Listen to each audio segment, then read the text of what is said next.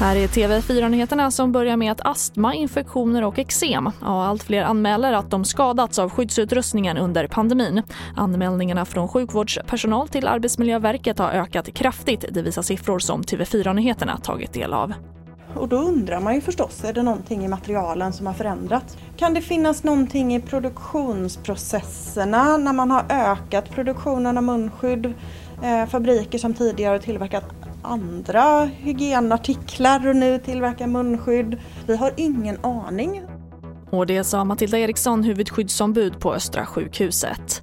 Och ett vulkanutbrott skakar just nu Island inte långt från huvudstaden Reykjavik. All flygtrafik är inställd och folk uppmanas att stanna hemma. Senaste utbrottet i det här vulkansystemet skedde för 900 år sedan och mer om det här kan du se på tv4.se. Och kraftiga skyfall på kort tid orsakar enorma översvämningar i Australien just nu. Hundratals strandade personer fick undsättas från hem och bilar i New South Wales. 30 mil norr om Sydney uppmättes 405 mm regn på ett dygn och floden Hastings uppmätte 11 meter över normalt vattenstånd. TV4-nyheterna, jag heter Charlotte Hemgren.